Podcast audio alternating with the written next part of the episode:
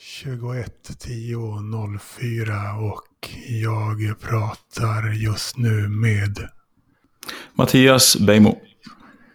Vill du göra reklam för något så här på direkten? Mm. Bra fråga. Nej, in, nej, inte just nu. Nej. Okej. Okay. vill du bli taggad på Instagram och eller Facebook i anslutning till avsnittslänken till det här avsnittet? det får du själv välja. Ja, vad heter du där på Instagram?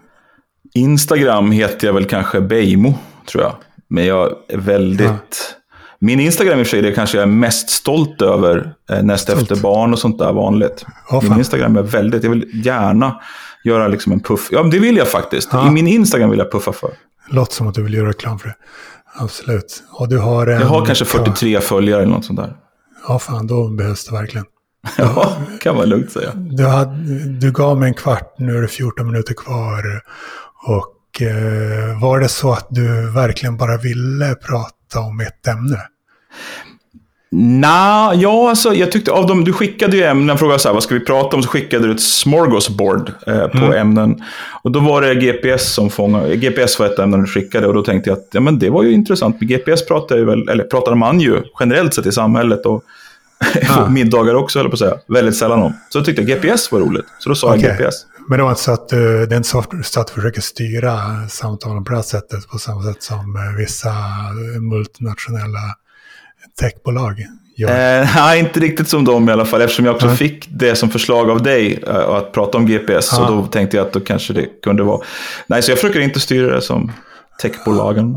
Okej, okay, eh, men eh, vi har inte så mycket tid hur som helst. Men, men du visste inte vad jag, vad jag menade när, när jag visade de här anteckningarna med alla ämnen och så. Men det jag menar när jag säger GPS är att jag har skrivit den här texten så kan jag helt enkelt läsa upp den, jag kanske pushar ut den, men så här skriver jag på framtidsland.wordpress.com att brott kan förhindras och lösas om medborgarnas alla rörelser kan GPS kartläggas och dokumenteras av ordningsmakten, till exempel på frivillig basis, utan att någon först behöver vara misstänkt innan polisen kan begära ut telefongenererade data, innebär en möjlighet.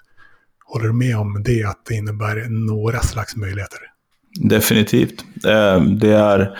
För hela samhället kanske också? Det är ju ett slitet uttryck, men tvegat svärd och, och så vidare är ju vanligt i de här sammanhangen. Ja, så du är inte eh, helt negativ till något sånt? Till GPS? Nej, det är jag inte. Eh, alltså, om man, GPS som system, om att, att kunna se på en enhet var den befinner sig någonstans, om man tänker sig en bil till exempel, har väl hjälpt många i både vardagslivet, men även så har det ju mm. hjälpt polisen att reda ut till exempel pedofilibrott och sånt där. Och, och pedofiler gillar väl varken du eller jag, Daniel, eller hur? Jag gillar inte pedofiler. Nej. Så det, och, det, och, det, och, så att, och det där är ju liksom just precis den argumentation som polisen och andra gärna har, att man gärna pratar om pedofiler bara. Men sen används det ju av repressiva stater också. Och även också sådana som kallas för demokratier så används det för att hitta och eliminera oliktänkande. Så det gör ju både och där. Um, och därför blir det en svår fråga, just den, liksom, till, hur man ska reglera det. Till exempel om, om vi tar det till extremen. Om alla eh, personer i Sverige varit märkta med någon slags GPS-teknik så hade man kunnat eh, konstatera vem som befann sig på Sveavägen 28 eh, februari 86 till exempel. Yes. Och då hade vi inte haft den utredningen kan man Nej. säga. Det är ett exempel. Eh, folk har kanske lite svårt att tänka sig in i de enorma vinster som det skulle innebära. Absolut, jag menar om vi bortser från faktumet att man måste i så fall då ha 101% tillit till stat, regering, ordningsmakt och hela våldsmonopolet. Om man tar bort den lilla detaljen då att man i så fall då behöver det, den tilliten.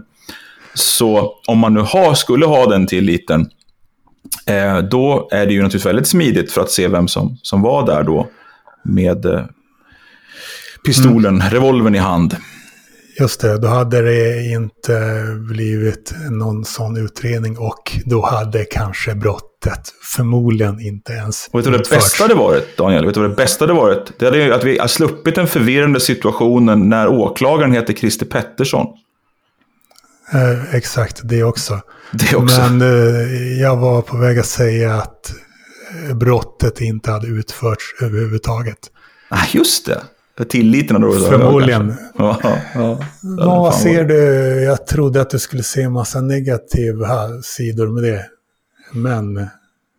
ja, men det är klart jag gör det. Du, eftersom du profilerar dig som... Eh, du personligen, hur hade du haft stora problem med att uh, folk, uh, ordningsmakten hade sett vart du rör dig om det samtidigt hade inneburit Eh, enorma vinster när det gäller eh, pengar som inte slösas på utredningar av brott som inte ens utförs. Mm. Hur stort vi... problem hade det varit egentligen för dig att ordningsmakten hade vetat vart du rört dig? Men det hade varit ett jättestort problem ur så många skäl så att de går inte att räkna här. Det här det är, är en väldigt... Gäller det dig personligen? Alltså du hade haft ja, stora ja, problem med det? Ja. Absolut. varför det då till exempel? Ja, av en mängd olika personliga, ideologiska, värdegrundsmässiga skäl. Okay. Är din fråga, skulle dina brott avslöjas eller någon annan typ av klandervärt beteende? Det tror jag inte.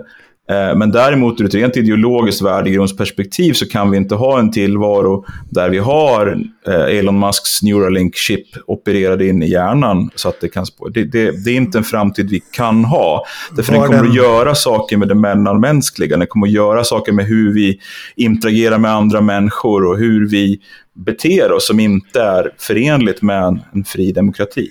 Så behöver det, dock det, inte vara något inopererat. Det kan väl bara vara som en eh, fotboja.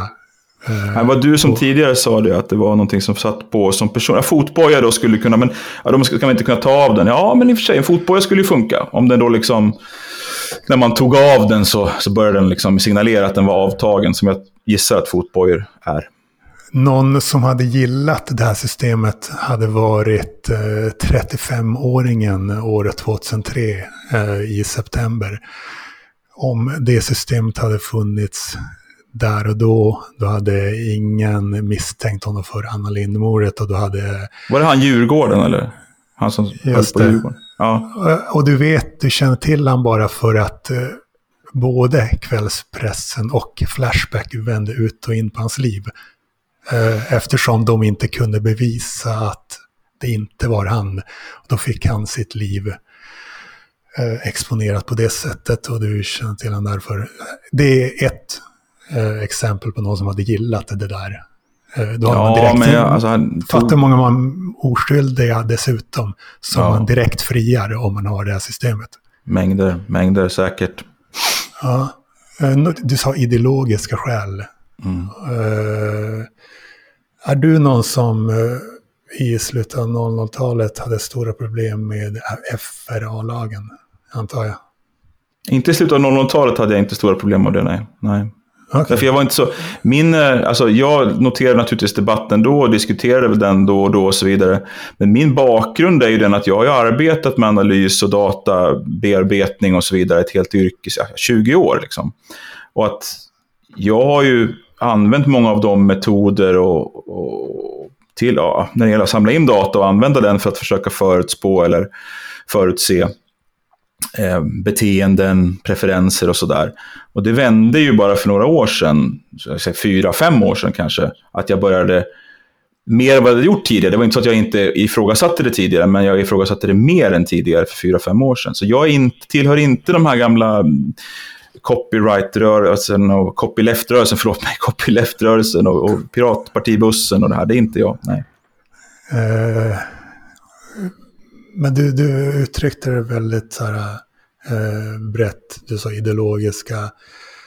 Uh, kan du nämna någon konkret Ja, det kan jag absolut göra. Det finns ett land som heter Ungern och det finns ett land som heter Polen. Båda ja. de implementerade olika former av eh, möjligheter lagtekniskt och även rent tekniskt att smyga in spionprogramvaror i eh, människors mobiler, vilket då svenska staten ju nu får göra också. Det vill säga att smyg, smyga in en trojan i din mobiltelefon.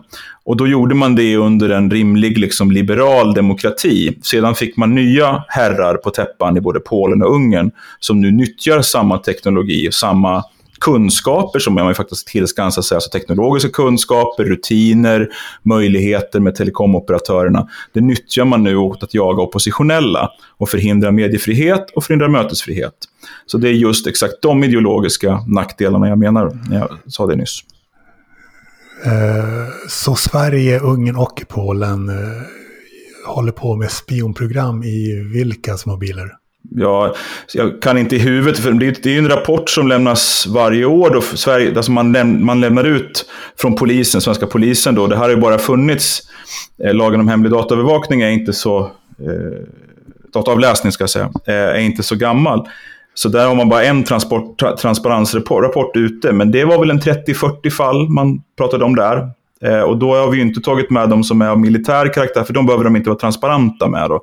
Det vill säga det som ligger under FRA eller andra, typ, andra delar av säkerhetstjänsten. Då. Så det är 40-50 fall i Sverige hittills, men det, man räknar väl med att göra det 100-150 gånger eh, nästa period. Då, det vill säga, vad blir det då? Från och med nu över nästa år. Men vadå, spionprogram, de väljer vilkas mobiler som de ska... Ja, ja. Man kan till exempel tänka sig, Daniel, man misstänker dig för ett brott som ger två års fängelse eller mer. Då har man rätt till att använda hemlig dataavläsning. Och då kan man utan din vetskap, med hjälp av till exempel din teleoperatör, må det vara Telia eller någon annan, eh, se till att det hamnar programkod i din mobil som kan slå på din kamera, kan slå på din mikrofon och i övrigt avlyssna vad du skriver på din mobil. Det är tillåtet enligt lag eh, som, som togs i somras. Okej, okay. det känns helt okej. Okay ärligt okay. talat. Okay. Uh, men alltså det är inte lite konstiga prioriteringar om... Uh, alltså vi har gängkrig i det här landet, vilket är helt vansinnigt. Ja, men låt mig avbryta där. Gängkrigen, ja. det finns inget som helst koppling mellan linjärt eller kausal koppling mellan att lösa gängkriminalitet och hemlig dataavläsning. Det finns ingenting i något land, någonstans, någonting som som ser, säger att om man har mycket hemlig dataavläsning, man har många möjligheter, bra möjligheter, både juridiskt och tekniskt, att stoppa in spionprogramvaror, då blir man av med gängkriminalitet. I så fall skulle länder som USA, delar av Sydamerika vara helt utan gängkriminalitet och så är ju inte fallet. Så att man kan, de här frågorna är äpplen och päron. De, gängkriminaliteten bevisligen löses inte av mer möjligheter att stoppa in trojaner i människors mobiler. Eh, det är ett steg på vägen. Och, Säger vem? Jag sa det nyss. Okej, okay, men, exempel, men vad har du för belägg för det, Daniel? Belägg? Alltså forskning, data, någonting? Eller bara en känsla? Lyssnarna får dra sina egna slutsatser, om huruvida man kan kalla det för ett steg på vägen. Ett annat steg på vägen är det här med kontanter. Det är deras grej. Byt, vänta, bara så jag fattar, byter vi ämne nu? Det, jag sa att det är också ett steg, steg på vägen, är en pusselbit. Men på vilket eh, sätt är det en pusselbit? De älskar kontanter, gangsters. Vad hade de gjort utan kontanter? Alltså hur pass i hur pass hög utsträckning hade de kunnat finnas utan kontanter? Eh, det ska vara någon, någon, som är expert på det snarare än jag. Kanske du är expert på det. Då, då kan du Nej. fortsätta klippa in en monolog om det här i så fall. Jag vet ingenting, eller ingenting om det så att säga. Jag tror inte att hur mycket kontanter kan man, hur mycket kontanter kan man gå ut på bank, banken? Vill släpper väl inte ens mer än 10 000 spänn i kontanter utan att ställa frågor? Eller hur, hur är det? Jag vet inte riktigt. Det jag tycker det är värt att diskutera på ett så här extremt sätt. Men jag tackar för den här kvarten åtminstone. Mm, varsågod. Slut. Tack, hej. Hej.